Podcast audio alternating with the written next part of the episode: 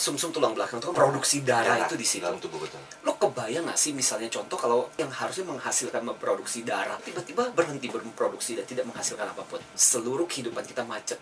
Saya membayangkan bahwa di dalam pekerjaan kita setiap harinya juga seperti itu kan. Contoh katakanlah kalau di dalam dunia bisnis itu ada bagian yang namanya R&D. Research development, product development atau apa pun namanya, business development. Perusahaan kan akan mengharapkan supaya jangan sampai dari tahun ke tahun isinya cuma itu, Ya. itu melulu. Harusnya menghasilkan sesuatu menghasilkan sebuah ide, bikin satu terobosan, tapi tiba-tiba mandek. Ibaratnya kita bilang begini, kamu lihat deh, seorang CEO, seorang bos, dengan seorang pengemis sama-sama, kau dikasih waktu 24 jam sama Tuhan. Tapi kenapa satu bisa begitu sukses, bisa begitu berhasil, dan kadang-kadang itu kan bikin kita iri. Sementara yang lain, ya nggak jadi apa-apa. Ini bicara tentang produktivitas. Kalau kita perhatikan, cek di Google deh. Indeks pembangunan manusia Indonesia, sejak tiga tahun itu angkanya kurang lebih sama-sama aja. Peringkat kita tuh kurang lebih sekitar 110 dari 187 negara yang disurvei. Terus di Asian Development Bank mengatakan bahwa selama 14 tahun, produktivitas Indonesia cuma mencapai sekitar 60%. Dibandingkan negara China, India, ini itu bisa meningkat dua kali lipat, China itu bisa sampai lima kali lipat. Dan hasil dari Asian Productivity Organization di tahun 2015, kita itu di bawah apa? Malaysia, Thailand, Sri Lanka. Ini komentar dari teman saya. Pak Antoni, saya pernah punya teman karyawan ekspat. Ada yang dari Filipina. Etos kerja beberapa di antara mereka itu luar biasa. Ketika harus kerja, mereka bisa fokus, produktivitasnya terjadi. Sementara orang kita kerjanya lebih santai, banyak nyari inspirasinya. Gosip, ngerokok, ngaso. Belum lagi ditambah banyak dramanya. Nah ini. Ah, iya, Apalagi iya. milenial ya. Saya jadi ingat dengan pepatahnya orang Indonesia. Pekerjaan sulit itu akan lebih mudah kalau tidak diusah dikerjain. Ada tiga problem utama dengan produktivitas orang-orang Indonesia. Yang pertama, No planning. Cukup-cukup-cukup, datang sampai ke kantor. Hari ini lu mau ngapain? Nggak tahu. Nah, apa yang terpikir kan udah, itu aja dikerjain. Yang kedua adalah no priority. Kerjaan ada nggak? Ada. Ada job desk nggak? Ada. Cuma mana harus didahulukan tergantung mood lah. Jadi ada pekerjaan yang akhirnya kemudian ditunda sama sekali karena nggak mood ngerjain. Padahal itu prioritas. Problem yang ketiga adalah no start. ada planning nggak? Ada. Ada prioritas nggak? Ada. Kapan mulainya? Ntar dulu. Aduh, males banget. Itu nggak mulai-mulai. Lama banget. Jadi ibaratnya kayak mesin diesel ini nggak tahu kapan panas. kan kalau kita bicara mengenai produktivitas itu kan sebenarnya jam resmi kita. Hmm. Ada yang jam 8 sampai jam 5. Atau jam 8.30 sampai jam 5.30. 8 jam. Pertanyaannya adalah seberapa produktifnya kita? Sebenarnya dari 8 jam itu saja, jam minimal itu aja kadang-kadang bisa jebol ke mana-mana. Misalnya contoh 8.30, datang jugu-jugu datang jam 8.30 datang. Cuma pertanyaannya adalah 8.30 setelah sampai jam kerja ngapain? Kan gue belum makan. Makan dulu ah.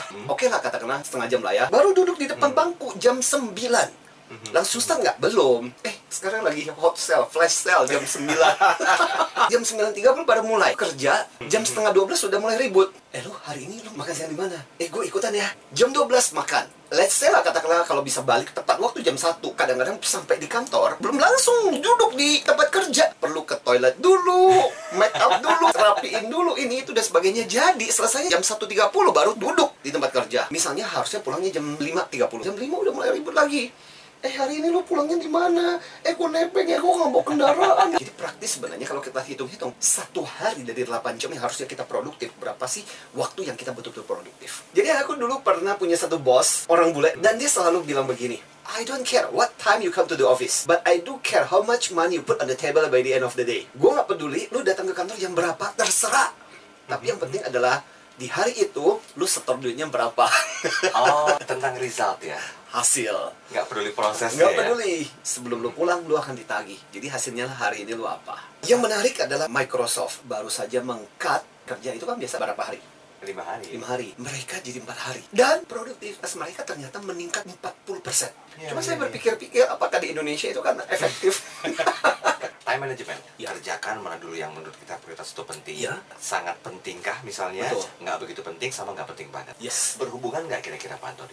Pertanyaan ini menarik, tapi time management ada nggak cukup. Makanya sekarang ini kita memperkenalkan yang namanya stamina management, energi management. Kenapa? Let's say lah katakanlah jam 6 udah mulai kerja, itu pun sampai katakanlah jam 10 malam. Apakah langsung produktif? Belum. Nah, sering kali itu ada bos yang seperti itu. Jadi kalau bos nggak pulang, kita tuh pada nggak berani pulang. Jadi nunggu kapan nggak pulang. Oh, gitu ya. Jadi akhirnya dibetah-betahin. Apa yang dikerjain? Nggak ada. Di EQ, di kecerdasan emosional kita mulai memperkenalkan pentingnya namanya stamina level.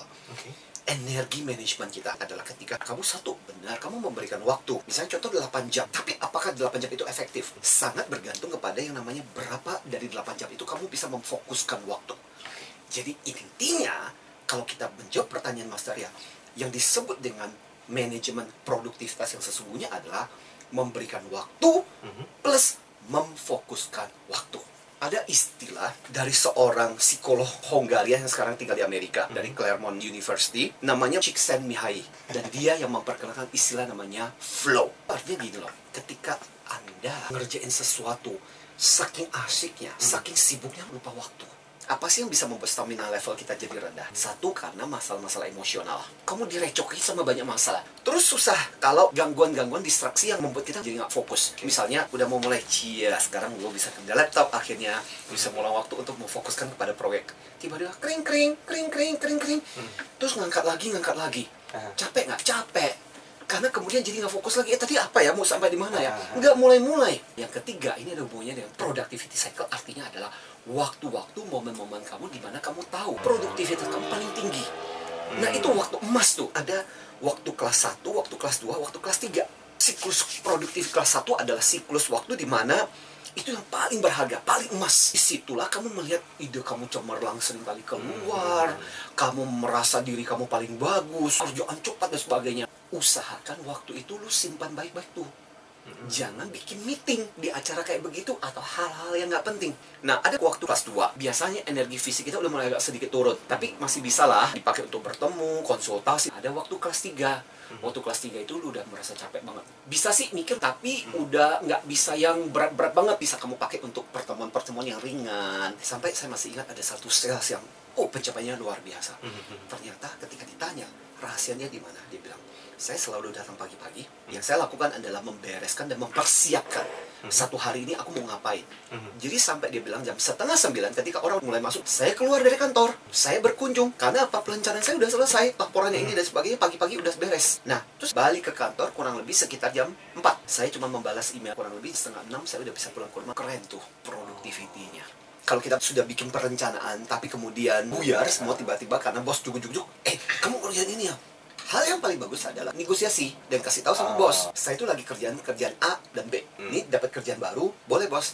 Tapi menurut bos mana yang harus saya prioritaskan antara A dan B yang sudah ada dengan C yang merupakan tambahan dari bapak? Mungkin dia memberikan pekerjaan karena dia nggak tahu dan dia belum sadar mengenai kesibukan kita sekarang atau dia nggak aware misalnya. Kan Hmm. belum tentu dia tahu pekerjaan kita 100% tahu apa yang sedang kita kerjakan fokus kita dan sebagainya. Kalau dia udah bilang udah deh kalau gitu A dan B ditinggalkan aja dulu deh fokus C dulu. Ya udah Hmm, hmm, fokuskanlah sesuai dengan harapan dari bos. Seringkali yang menentukan prioritas atau tidak prioritas itu bukan kamu.